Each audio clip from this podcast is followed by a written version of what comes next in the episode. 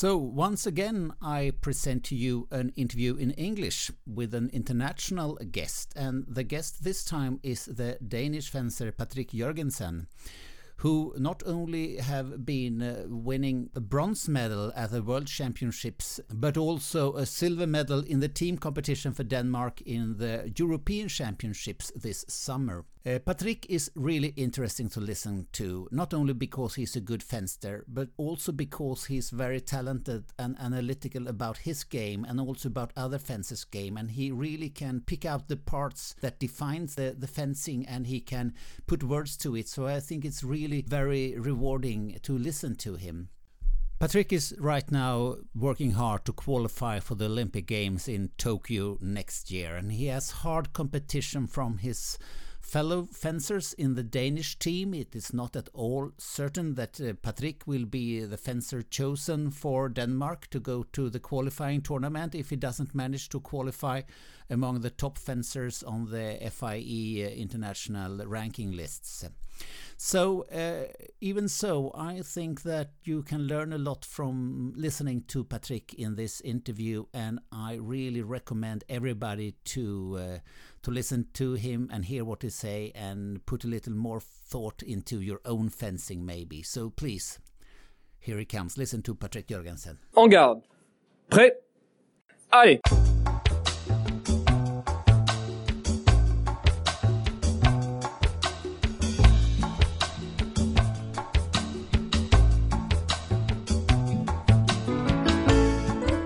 Då är jag väldigt glad att säga välkommen till bakom masken på till Patrik Jörgensen. Mange tak. Yeah. Uh, we decided that we will do this interview in English. That's a good idea. Not only to save ourselves the problem with with some sort of mixed Scandinavian language and this and how to how to understand each other, but also to make uh, the interview available to people that are not speaking any Scandinavian language. Yes. Patrick, uh, you have had enormous success this summer with the Danish national team. That's correct. Yeah. It was. Uh, I'm, I'm, I have seen the, the, the videos, the matches on YouTube, and I am impressed. Really, it Thank was you. so fun to see. Yeah, it was uh, it was a dream. It was a dream come true. Yes, and both both the matches against first uh, Hungary, Mm, no Switzerland first, and then uh, Estonia. They were incredible. Thank you. Yes. Thank you. Uh, but I have this format for this podcast. Mhm. I and to go behind the mask, I want to start from the beginning. Mhm. uh, When you entered fencing room, a fencing training hall for the first time, and how it came to be fencing for you. Where, when did you start? I started when uh, I was six years old. Mm-hmm. I was uh, in Denmark at the time. I was too young to start, but I started together with my brother, who was eight, the right Mhm, age, mhm, and my parents thought it was easier if we did the same sport. And you were accepted. So uh, so then I was accepted to start uh, with him, uh, and we started because my mom uh, dances ballet. yeah. Uh, she used to be very good. Then she decided to become a veterinarian, and uh, and then she thought, what kind of sport is kind of like as elegant as ballet? And then she fell in fencing, Mhm. And then her family is like, yeah, but that's that's not it's for homosexuals, you know. It's not it's it's not it's not real. It's not a real sport. And and today they were really really regretting that because they think it's really cool. yeah. Um, so she put us into fencing because she thought, you know, this is how we get some elegance into these boys. Mhm. And uh, for the first four years, I didn't really like it much uh, because I thought I was the youngest one always, and Mm. and there wasn't really, I wasn't really good either. So I just, I just went, and I thought I was doing my parents a favor. Looking back, it sounds very stupid because they paid a lot of money for me to have in the fencing club. But uh, but I thought I was doing them a favor of going to training, and then one day uh, when I was ten years old, I won the Danish championships, and I thought, okay, maybe maybe there's something fun about it. Uh, All right. so- when did you beat your brother for the first time? Oof. Uh, I, I don't even remember. Okay, that was not an important but step. No- in your not at all. Uh, quite the contrary. Uh, Mhm. My brother, I love my brother, and and it's been it's very hard because he's the one person in the world that I could always wish the best for. Mm. So whenever I'd meet him, I'd most often prefer to lose than to win, because uh, I thought his success was sometimes more important than mine. All right. You're more competitive than him, I take it. Uh, I'm not sure, All but right. uh, but we're we're very different and, and very much the same at the same time. Mm. And um, and he he's extremely more competitive than me in uh, in in uh, the kind of educational uh, work Mm, life. mm, And uh, and then I just decided to go with fencing mm. much more. Does than he he do fencing still at all? once a year? Once a year. Okay, that's still that's to keep it up. Yes, Uh, but that was in Copenhagen, correct. in the club that you are still with. Yeah. So actually. I started in another club, and then Mhm. after a year, we we switched uh, to Hellerup Fencing Club, where I'm Yeah, um, right yeah. now, and I've been for the last. Yeah, I don't even know if uh, yeah. Twenty one years, Mm, all right. twenty two. Yeah, Yeah. yeah you started early. Uh, so, um, do you remember any coaches, training trainers from those young years, or have you switched during the years to many different trainers that you have uh, been Yeah. So I've I've, been I've teaching you? always been taught like I don't I have always been teached in in Hellerup Fencing Club, and I Mhm. started by getting taught by two foil guys. So I have to say I started on foil, Mm. and I stopped foil when I was twenty three. Yes, you ha- you still have a lot of foil in your epee fencing. Yes, that is my secret weapon. Mm-hmm. Uh, not so secret weapon. No. So um, so no, I started on foil, and I had foil coaches. Uh, one called Eduardo Vistisen, and the other one Thomas Koch. Mm-hmm. So they taught me until I was like I don't know 12, 13. Mm. Then I started getting uh, when I was ten. I won the Danish Ch- championships on epee. All right. So then I thought, okay, I'll start taking some epee lessons too. So then I got some lessons by Mads Eriksen and Martin Wuf. They gave in the club for Mhm. the kids. Yeah. Then they hired a German coach called Sven Strittmatter. okay. And uh, Strittmatter, I don't remember his last name. Mm. It's very embarrassing. Yeah. Um, but uh, he he told my parents that I could be really good at epee. okay. And he kind of convinced them for me to have a dual like career or actually go more for epee. So I started fencing much more epee and, and then I got some lessons from him. Then they hired uh, the coach who got me through all my young years, Andre Mhm. Klushin, Mhm. and he taught me a lot on foil. And at the time, foil was a little bit more interesting for me because Yes. in Denmark we were a little bit better in my generation on foil. Yeah. Uh, there was a lot more competition, so it was a lot more prestigious to qualify to Europeans and Worlds on foil than on epee Mhm. because on epee there was not so many. Yeah. Um. So. So yeah, Andre Klushin got me through those years, taught me my technique, taught me my footwork and and and stuff. But there was still something missing. So Yeah. then I got um, Ferenc Tot, who's Yes. now in Kazakhstan. Mhm. Mhm. He uh, he took me for a couple of years too after after Andre and really like So you have had several coaches that has developed different parts of your fencing and your technique and your understanding of fencing. I take it. correct. Yeah. Yeah. So so basically, I like to say that uh, I'm not very talented in fencing because actually I realize even now sometimes I don't really have a clue. Uh, Oh, that's a, such a way of putting it. No, I don't um, agree. And Okay. and and then when I had, especially when I met my my wife and I had to teach her stuff, and I Mm, wanted mm. like most often I wanted to say, yeah, well, when you feel it, just go. Mm. Patrick, I have listened to your commenting on YouTube. I know that you understand a lot of fencing and that you see a lot of thing, fencing things in the bout that no, that not many other people see. Yeah. So let me come back to that. Uh, it's interesting, I think, because when I look at the history of fencing in Sweden and in Denmark, Denmark was early very good in fencing. I think that one of the first, absolutely first, uh, not Olympic champions, but one of the great early fencers, Ivan Osiier, was a Danish fencer, a world-class fencer, really in epee. And but in Sweden we have always had epee, epee, epee, epee, and that is somewhat connected to Sweden being a very strong nation in modern pentathlon, which was a sport created for the Olympics in Stockholm in 1912. As I said, that we need a sport that Swedes are good in, and Mm. they created modern pentathlon, and that was epee fencing. Oh, I didn't know that. Yeah, that's true actually. and then then so epee was always the strong game here, and foil and saber were sort of not even second, maybe third or fourth. Uh, but Denmark now lately during the 90s and during the early mm, 21st century have sort of gained gone to the to where you are today in epee through foil. Mm. So f- there was there in Danish fencing a very uh, determined uh, thought to, to, to go for foil first?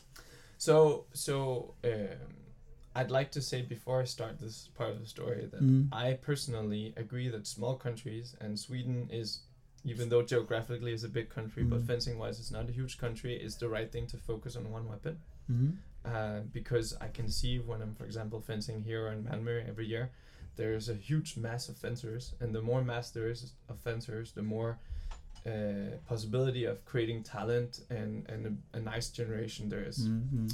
coming back to why we have success now we are blessed with a generation of good fencers Mm. the blessing is not completely uh, random because there's uh, the parent of my uh, oldest teammate Frederick von Osten his father Hans von Osten Mm. has been in the sport his whole life and everyone in the club owes owe their career to him basically because Mhm. he decided he had a vision about the club he had a vision about what to do and he's been putting immense an immense amount of hours into making the club what it is today All right.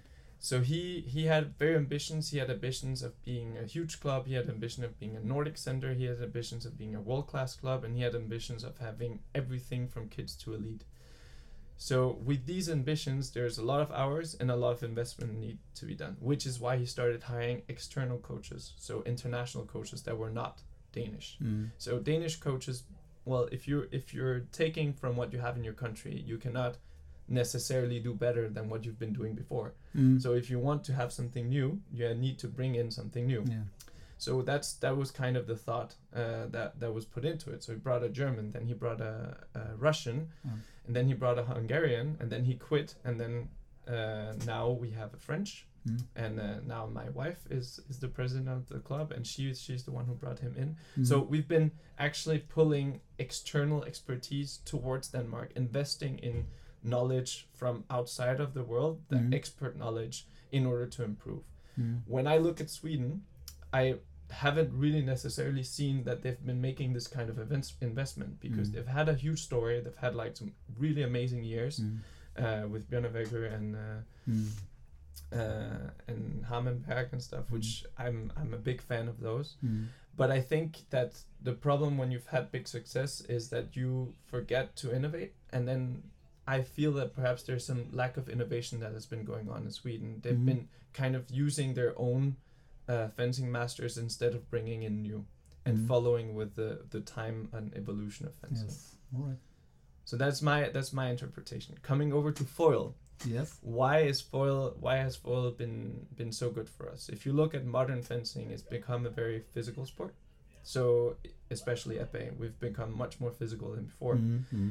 and foil is a very dynamic weapon so by having foil in our genes uh, in our fencing genes Mm. we are very used to the movement, to the dynamic uh, approach in a match, to having to use the legs to open your opponent and not just your tip. Because if you're if you're gonna be extremely arrogant, the guy who has the best tip in the world will always win because he will hit everything first. Yeah. So he doesn't need his legs. Mm. Problem is that's not a realistic realistic Mm. situation. Mm. So we have to use our legs a lot to compensate for the lack of precision in our tip and also to make things easier for us. And foil really is a training weapon. It's it's why it's been created and it has really created this approach that we have in, in, in our fencing style. Whereas when we see kids who have been epee their whole life, they perhaps don't move as much, No. but they're very explosive and they're very, very, very accurate on their tip. So there's a there's a pro and con in, Mhm, into the mhm. approaches, but I still personally think that you should start in foil, learn the movement, learn that you need to have some initiative in order to get a point, and then after switch to epee and know that you have to go for the kill, otherwise Mm, you're gonna get killed. mm. Yes, I I think that most people agree, but the the the thing is to have to apply it in the correct way. And I think you, that your analysis is very uh, both correct and, and, and sharp and uh, and true. So moving back to your career, you were, I suppose, promising, doing fairly good in epee, and I don't know actually if you had any any success on the cadet and junior uh, circuits or, or championships.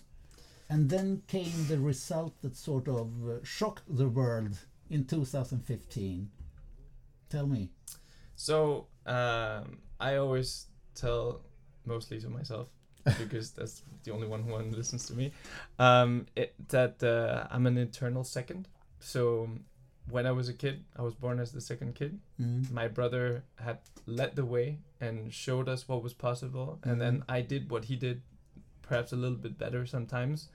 Uh, and then, well, I had the luck of having an inspiration in front of me, so that's why I had a little bit less, you know, wind, and I Mm, could use mm, his slipstream. Mm. Um, so when he he became good, I became a little bit better, but he was the first one to do it, and so he was marked as like a talent, Mm. and and talked about him, and I thought I was like, wow, I want to have that one day. And then behind me there was a like I think the biggest talent we have in, in Danish fencing, Frederik von der Osten, who started Mhm. performing when he was like yes. two two categories younger. He started performing Mm. on, on one category older. You know, it's like Mm, it, it mm, makes no mm. sense. Um, so he was always in front of me too. Mm. So so on foil, I was looking up to my brother, being like, I want to be as good as him. And on epee, I was looking up to Frederick, even though he was younger than me, two Mhm. years younger, Mhm. which is when Mhm. you're kids, it's a It's lot. a lot. Yeah. It's a lot, and I was still looking up to him, being like, I want to be as good as him. Mm. Um, so I've been always training and always been second and always been like hidden from everything Yeah. because if people were talking about epee, they were talking about Frederick, and if they were talking about foil, they were talking about my brother or some of the other guys who were in front of me. So I was kind of like, yeah, trying to believe in myself. My brother always said to everyone that I had huge potential, but you know when it comes from your brother, Come you're, from brother, you're matter, thinking, yeah, okay, he's just kind. being nice to me. Yeah, yeah. But uh, but he always believed in me, and I also had one coach, a French Todd, who always also believed in me. Um, and Andre also believed in me, but he had so many other fencers who Mm, were doing mm, well. mm. He had an Olympic fencer and stuff, so he had a lot of attention too. But so I never really felt that he he was like he's gonna be great one day. Mm. Mm. Uh, he probably may- maybe did. I I cannot know. Um, but then one day I, yeah, had had the the day of my life at the the 2015 World Championships. mm. I still don't know what happened. I just had that one of those days where I hit everything, yeah. and I was perfectly sharp, and I had focus on Oh, the right place. I would say that on the piece you sort of you you uh, you show a lot of confidence Yeah. and belief in yourself and a little bit of a kick-ass mentality attitude. Yeah. So so so the funny story is that in in the 64 I fenced against Chapek, Mm. and I thought wow, check, yeah, Czech guy, yeah. and and and I thought, wow, that's a great draw in '64 at the World Mm. Championships because I saw that there was Grumier and there was uh, Novosjolov and Ah, there yeah, was uh. Nikishin and Yeah. there was uh, like a lot of alternatives Mm, that I'd like not meet as much as Mm, him because he went straight from pools and he did great pools. So I thought, oh, this is my chance, and I had Finn's a horrible match to start with, Mhm. and he he's just ahead of me, and I'm not really into it. And then it's he's leading 14-11, and then I lunge at his body, and Mm. then he hits my uh, elbow, Mm. and I'm sure it's a double, so I'm pissed off. Really take Yeah, off my yeah, mask, like yeah. almost throw it on the floor, and in pure anger of me Mm. throwing this amazing opportunity to make a great result. And then I look at the app parade, and it just says my lamp, Mm. and I'm thinking, how is this possible? So, and then he's thinking, how is this possible? So he's checking his weapon, and nobody understands. Me, the referee, and him are Uh. both like, I don't know, Uh. that doesn't make sense. Uh. So I'm thinking, okay. I've been blessed. So I'm thinking, okay, I'm just now, I've had a joker, Mm. I'm gonna give it all. So then I put a lot more intensity, and then I do three times the same touch in a row because I think he was still shaken because in his head he had one two, yeah. and then I managed to turn this 14-11 lead to a victory to me. Mm. So I was like, what went on? It was the first time in my life that I won on the second day. Mm. So I qualified twice by then to the 64, Mhm. and then it was the first time I ever won the second day. So I was like, wow. And then I had to meet Gábor Boczkó, and I was like, how amazing that I'm Mhm. allowed to fence with him. and then again, on the from the top 16, he was he was the one that I'd rather meet, or one of the ones Yeah, I'd rather meet, alright. because even though he was good, you know, I was like, I, I was thinking, But I did can you have him sort of in your book? Did you know I- anything? You, Yeah, well, I knew- you've saw, sort of seen him yeah, I've seen him, many and times. Yeah. and I was in a training camp in Hungary before. okay. We didn't really Mm. fence much, but uh, I had a feeling that it's not it's not the worst draw for me. Mm, Uh, all right. It it looked it looked okay. So Mhm, then we mhm. started, and I had an amazing start. So I started. I think I was leading 10-3. and then and then he just starting coming Mm, coming mm, forward, and I think he, he managed to get to 11-10 or 10-9 or something like. Got up, got really really really close, and then I changed something. And then I broke his mentality completely because I've been, I, I was like hitting his hand. I was trying going back and, and taking his counter tempo Mm, and then mm. all of a sudden I went for a kill and then he didn't know if, whether I was going back or forward and then I could just finish the match. Mm. So that was also like really amazing. Then I got Bartosz Piasecki Mhm. And I had a lot of respect for him. I had met him once Yes, before yes. that season, but but I had a lot of respect for him and it, it was a Nordic fight. Yes. And I again, to be quite honest, in the top 16 of the World Championships, there are worse draws than, Mm, than mm, Bartosz yes. Mm. So I just did everything I could, trying to make the most of it. And uh, Do you think being Danish was a bit frightening also to to Bart, Bartosz Piasecki that he that he had to face somebody who was coming up from behind and being Danish? Mm, I never thought about it, No. and uh, I'm not really sure. I think the only pressure there was was that he must have thought like me. Mm. Meeting me in the top 16 of the World Championship Yeah. is kind of a gift from Mhm. the world. It's Yeah, like yeah, it's like kind of saying, "Here you go, yes, go ahead, yes. do, but do also well." everybody expected, also of course, him to crush you That's in that true. in that match. because it was an Olympic sil- Yeah. silver against nobody. Yeah. So, but but as I said before, I'd met him in Paris Mm. like two months before, and I beat him in sudden death. Yep. So I knew it was possible, and perhaps he was still shaken. But he had met me three times before to Mm, 15 and mm. really owned me. Mm. So I had no idea what was going to happen. But you had a clear plan going but, into but the match. I had I had a I had a very clear plan against him. I knew exactly the mistakes I did before, and I knew Mhm. exactly the things that worked, Mm. and that's what I was going for. So I still I would try I tried to put pressure, and and it worked Mm. and uh, and yeah like i won i didn't win so comfortably as as as i had hoped but i still won 15-13 and and i was I was, I was very Yeah, happy about That's that enough. Yeah it's it's enough Mm, 15 14 is enough too Yeah. um and then i met uh santarelli andrea santarelli from italy Yes. who ha- whom i've ne- had never beaten only Mm, once in mm, pools mm. but never to 15 and i'd Mm. met him twice and never been close yeah. and and there my thought and and just to say I, all the confidence that i have was basically that i was living like i was living on a joker Mm. in my mind i lost in 64 so Mm. basically i was in the tribune watching the whole You thing were in for the trip, for the ride. and and then i thought I, w- I don't know somehow i just managed to to be here so i might as well make the most of it Best- best of it. so so then i met him and i thought i want to die with honor Mm. I don't want to get run over because I knew there was a big chance that it could happen. I knew there was a big chance that he could beat me 15-3 and Mm, and, and mm. I didn't want to lose in 15-3 in, in top 8. That was that would be even more embarrassing Mm, than, than mm. losing in 64. So my my clear plan in that match was just to survive as much as possible to make the most points as possible so that I would die and that day with my honor.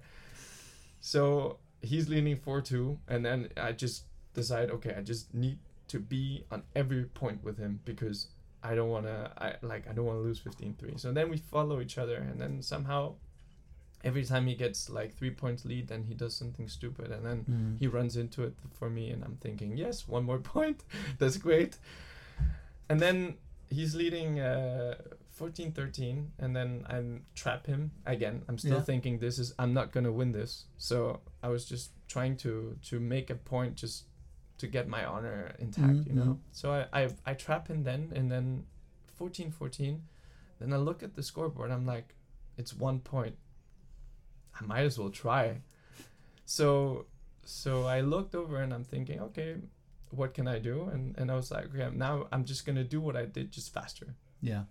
And so uh, so we move, we move, we move, and then I just lunge at him, step lunge, and again I think clearly it's a double because he hit my mask, Yeah. But it didn't light.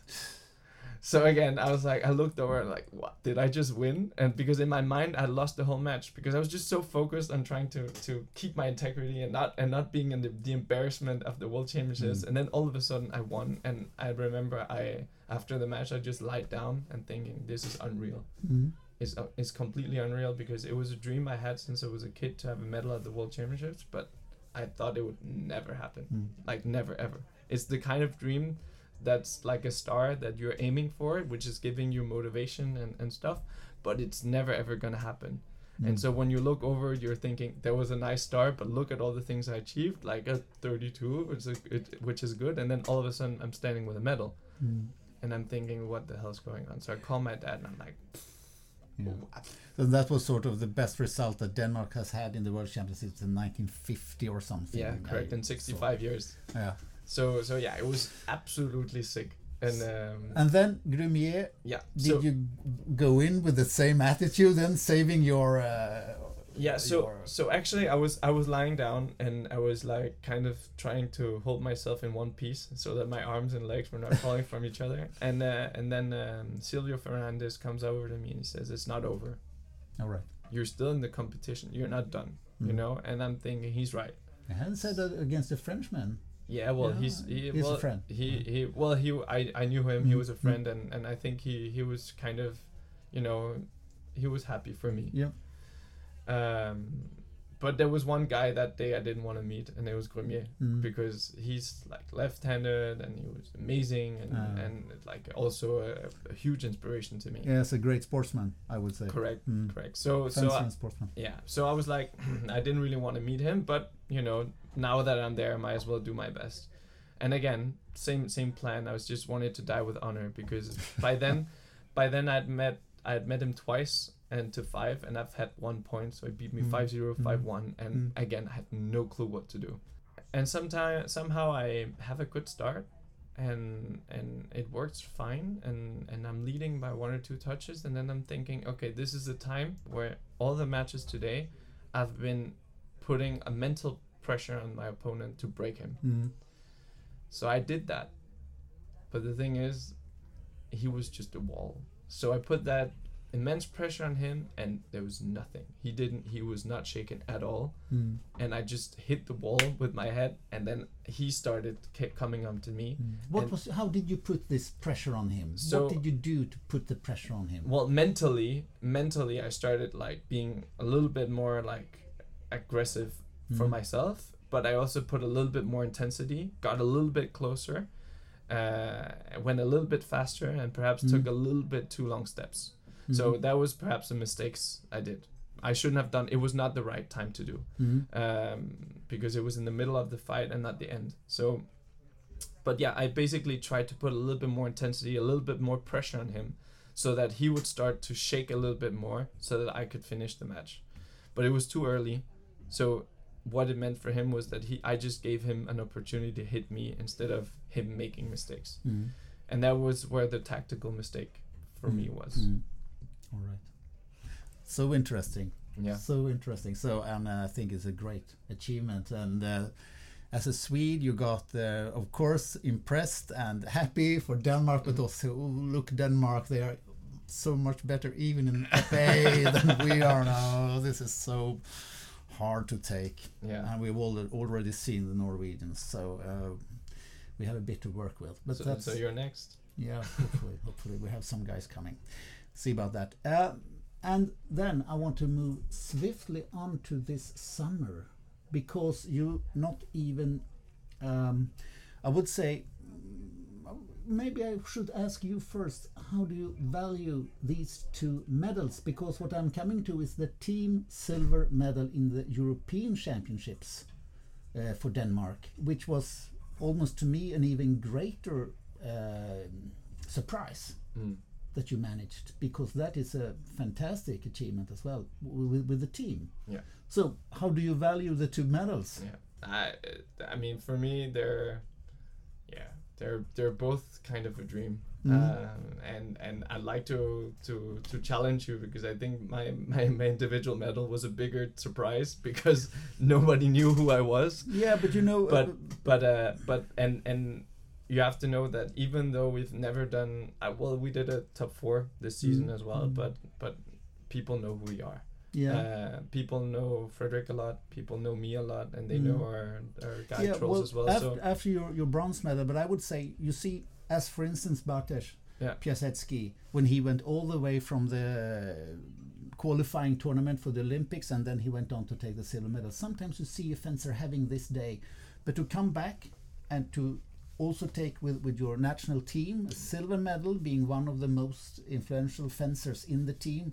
I think to follow up the bronze medal Mm. with that silver medal, that is um, almost stronger Yeah. in my book. Yeah, well, um, Didier Olignon said once, you Mm. know, do it once, people can say that you're lucky. It's do it like twice, they might still make rumors. Do it three times, and they have to shut up. So you have one more to so, go. So sure. I, I maybe I have to maybe You're I have not- one you're more. Not, you're not so old. maybe we can argue that we as a team already did it in uh, in Vancouver, but uh, I've always been better on teams than individual. Mm. So for me, and team has always been. It's more fun for me to be a team fencer because you're fighting not just for yourself, but basically for everyone around you. So so for me, it was not that big a surprise that I fenced well because I don't know. I think it's I th- I just have a whole different approach and motivation on teams. Mm. Um, but uh, and and als- also we met we met Switzerland in top eight. I mean, for me, the biggest surprise was that we beat Ukraine. Like meeting in Ukraine in top sixteen was like, I thought there's a big chance that we're gonna lose, Mm. Mm. and I actually wasn't so good in that match. Ah. But we managed to win, and and then we were like, wow, that's great. Now we have to now we have to really try to see what this day can be, and and then we had to meet Switzerland, with who we never bet Mm. uh, or we never beaten them, and uh, and we lost to them three or four times I think, and Mhm. once in sudden death, and and yeah, we were just trying to to to stay in the match the whole Yes, match, and yeah. then And in the end, I would say that you you had Max Heinzer Mm, in the last match, mm. and you were almost beating Heinzer at his own game yeah, so with hustling and breaking, breaking the fencing, breaking everything, and you even managed to have get along. In that match, you managed to get a long break in the finals before the match, or in the or, in, the, in, in the final seconds of the match when, when you had to run away out of the arena. Yeah, no, that's that was the next match. That was the next match. Yeah, yeah, All yeah. right. That was the ma- next match. That was that was because I had a yeah. Well, it's not very elegant to say, but uh, things were coming out of my butt. All right. Okay. so you, um, and and I really couldn't hold it in, and Mm, uh, mm. so so I asked for permission. So both the quarterfinal and the semifinals in the European Championships team were very narrow wins for you. Especially maybe the quarterfinal where the, the Swiss team were already celebrating and jumping with joy in the air. And what happened? What was the, the, the, the cause of this? Yeah. So so um, the the action in, itself was um, basically we had we had the feeling, and, and people who can who have watched the match can have their own opinion, but we had the feeling that somehow the referees were against us because every time there was like a Hmm. a, a thing that could go both ways. It kind of went the Swiss way, so that was very frustrating for us, and that really culminated in the sudden death where I made a step step lunge remise. So Mhm. I made like a lunge, and after my lunge, I continued in flèche. Hmm. I got parried, and we both hit on a double. Yeah. And then after that, we run into each other. So at at the time, they're saying, okay, it's a double, no hit. Hmm. But then the Swiss call, yeah, well, you know, blah blah blah. So they go over and watch the video. They Mm. watch the video, and then after like discussing uh, for like a couple of minutes, they're thinking, let's make the Swiss win. Yeah. so so they come over to us, and uh, and then they give me a yellow card for running into him. Hmm. And I've seen the video. It happens after a hit. Hmm. So, and in the moment, I knew it too. So basically, we argue and we refuse to accept the call because it was it was ridiculous. So basically, what the call was was I bump into him. So my riposte is wrong, but his riposte is good. So I get a yellow card. He gets a point. He wins the match, Hmm. which I found was completely ridiculous. Hmm. Because the thing that people should know as well is when they're watching the video, there's some lamps on the top, Hmm. and these lamps in the top they light after the actual lamp lit in reality. Hmm. So there's a delay of like Yes. in real time, half a second, maybe up to a Yeah. second sometimes Mm. before these Mm. lights show up. So in it's true that if you look at these lamps in the top, then it looks as if I hit as I bump into it. But if you see my tip, it's nowhere near close. Hmm. And if you look at the app rate on the video, it, it li- actually lights up when I hit and then after we run into each other, which is a valid hit. Hmm. So we call for DT. they're telling us DT was already looking at the match, and then we discuss and saying this is it's ridiculous. So another guy from DT comes comes and sees the point and says this is clearly a double, so go and go ahead and fence. And by then the Swiss like seeing as the they after the video call. They gave the point to the Swiss. The Swiss thought they already won, and they were in the in the semifinal at the at the European Championships. But uh, but then we were had to fence again, Mhm. and uh, and yeah, then I thought, I mean, I didn't even think this was a bonus point because I just thought it was completely ridiculous Mm, that mm, that mm. it, the point was given to start with. So then uh, we were just kept on fencing this Yeah. this um, sudden death. Yeah, and uh, I really recommend for anybody who's got the opportunity to go in to YouTube and to find this match and to look at this hit because it's interesting and it's also interesting how the rules of, of corps-à-corps and bousculade in corps-à-corps and, and how you do it. It's uh, to see where, how they judge these things. And I have been asking now the referees a little bit on how this is uh, judged in international fencing. And they are not really sure. Yeah. They are, it's not they're not things where you can be completely correct, but to No. go against a team on such a point in this way. Well, I mean, the rules should be applied, and the way I know the rules is that basically, if you if your action hits before your Mhm. bousculade, then the hit is granted. If if you run into your ch- your opponent as you hit, then it's a different story. And Mm. if you run into the opponent and then hit, then you're the cause of the stop, and then you stop. It's just like people passing by, and I think it's it's quite easy to understand in my personal opinion. yeah, but I know that they will like to take the easiest way Yeah. out and just to take away Yeah. the point for the person that Yeah. they see cause the, the corps-à-corps. So, and that made you sort of crazy with happiness. Yes, so that was a that was I was it was huge because um we as I said we never beat Switzerland before Mm. and I was like amazing is like they were world they were world champion by then and one of the absolute best teams in the world and Mm. and it's just a huge achievement to have you know beat them actually Yeah. um, and it also meant that we were in the semi-final at the European Championships, Yeah. and it meant that we had to meet in Estonia, which again is is not a bad draw at the Mm. semi-final at the European Championship. Mm. So we knew we had a great chance, and in the locker room, I told the other guys, I said, "This is this is a moment. Like we really have to make it." And then Frederick said, "We never lost to Estonia. This is not gonna be the day we do it."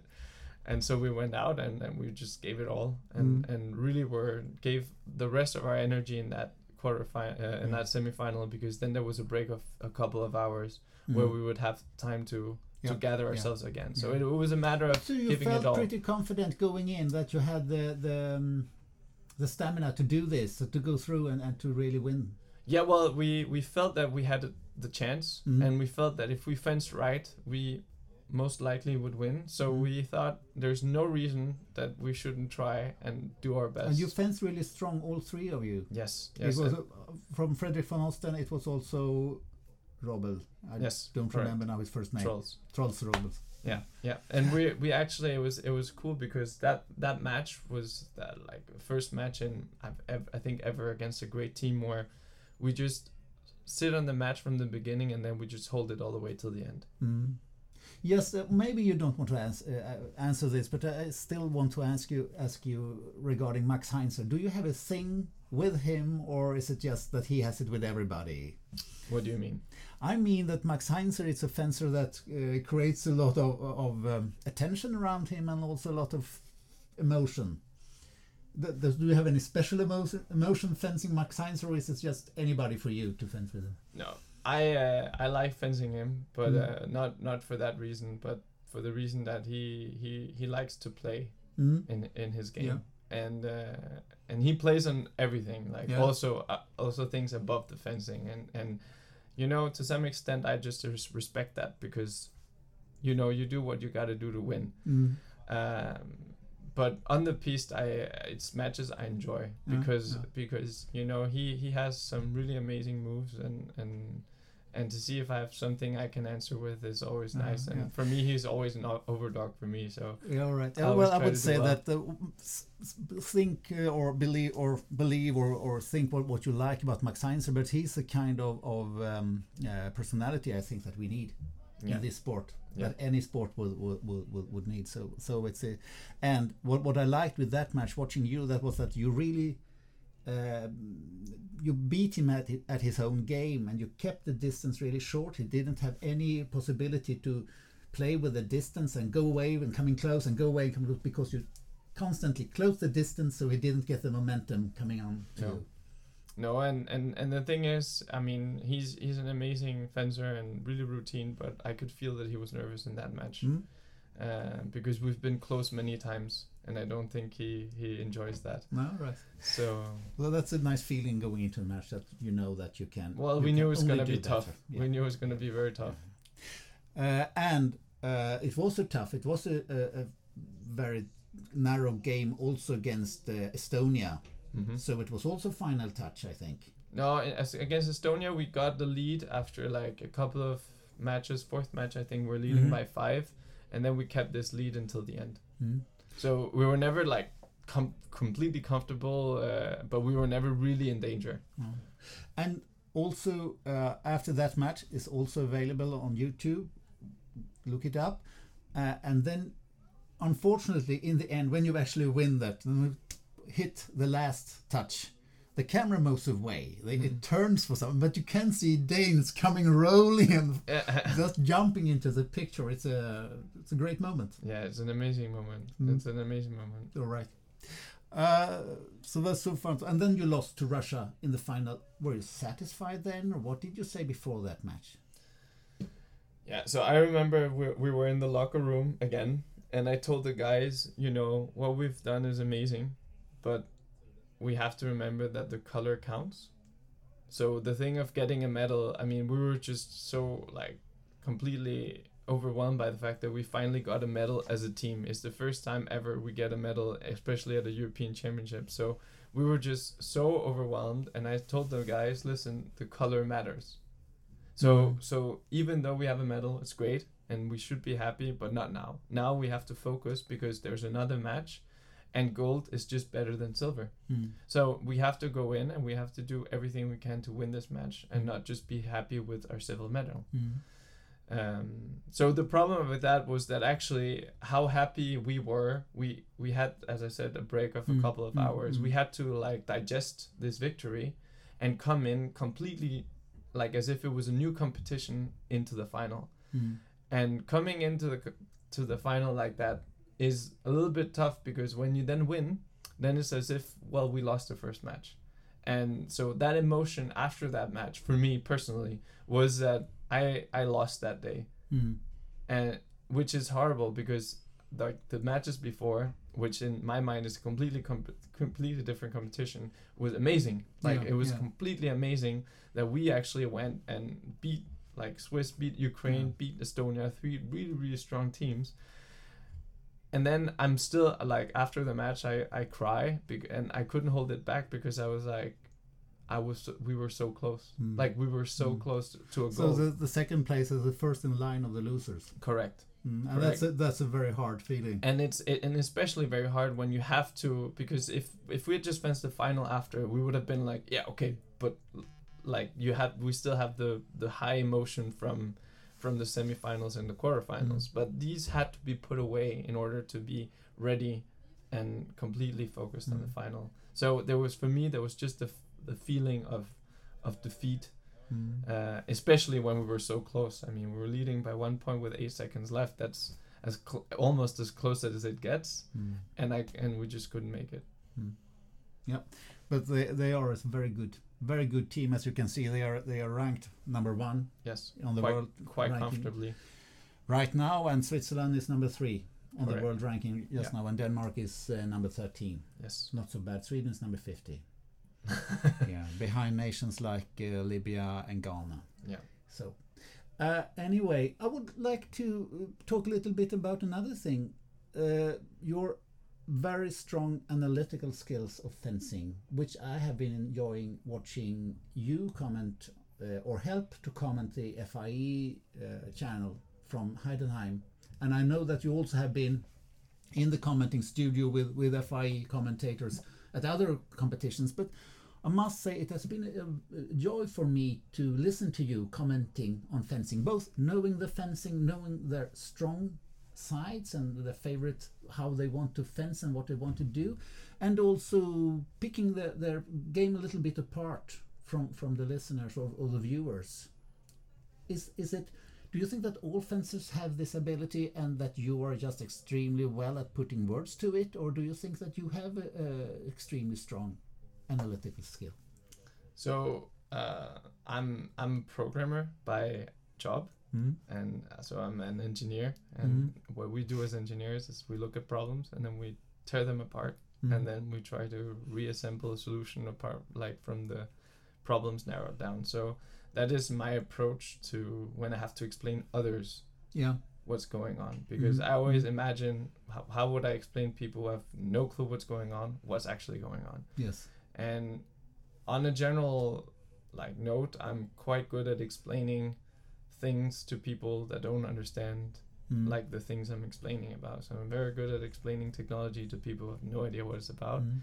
Uh, so I guess that's why. When it comes to whether I'm the only, like, I have an extremely, uh, an extreme skill to analyze. I don't think it's above anyone else. I just think I know what people know and don't know. So mm-hmm. I just know how to explain it so that they get it. Mm-hmm. But I don't think I know something like more advanced than mm-hmm. than, than most fencers, to be mm. honest. I have used just to recommend to young fencers to go in and to listen to you uh, doing that commentary to the Heidenheim final, and I, and I do it again. Uh, mm. Heidenheim final of 2019, where you explain how some of the, these very good fencers uh, that you see how what they look for and how they fence and, and what they do. And it's it's it's really you can learn a lot. Yeah, i was very lucky. That i told them they should they should probably do that and then they did it. And then i was like wow. Oh, you shouldn't have said that. If only i could do that while i was fencing. Oh, great. Uh, Patrick, we are closing in on the to end this interview. I would just like you to say that I understand now that um, number 13 on the World Cup ranking, it's not really feasible for Denmark to qualify as a team for the Olympics. But I understand that you will have a very fierce competition with your teammate Fredrik von Osten, von der Osten, uh, about uh, for, for the, the, the place in the qualifying tournament for the Olympics.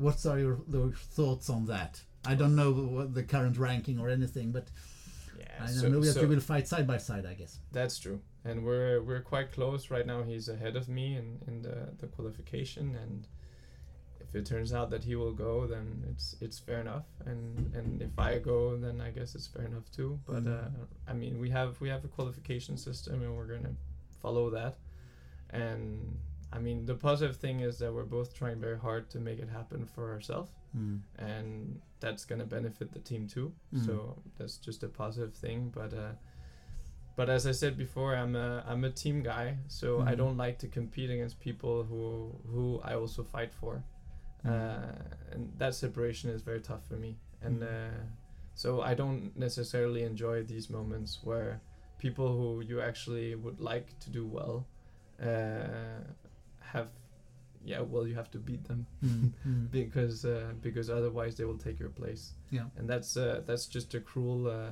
that's a cruel consequence of, of this very tough olympic qualification. Mm-hmm. it is uh, it is so. But uh, still i don't have to ask you about your goals for this season. Yeah well i mean i i i had to reevaluate my whole life after yesterday. Um, but um, but no but like i think the the smart thing to do, and that's the secret to to my success when it's been going on, is that I've had focus on the right thing, and being focused on results and qualification and stuff is just uh, destructive for your fencing, and your fencing is what gives you your qualification. Mm. So when it all come like in the end, the only thing I have to focus on is is my improvement and my fencing and my fencing style and what I want to do and how I want to improve and how I want to fence and how mm. I want to work. Mm and then if it turns out that I become Olympic champion, it's amazing. If it turns out that I don't even qualify, well, I cannot really be sad because I would have done everything I can to be as good as, as I can be in order to make it happen. Patrick, thank you very much. This has thank been you. a very enjoyable, very interesting interview for me to do, and I wish you the very best of luck the coming year. Thank you so afterwards. and thank you for coming. Of course, thank you. Thanks.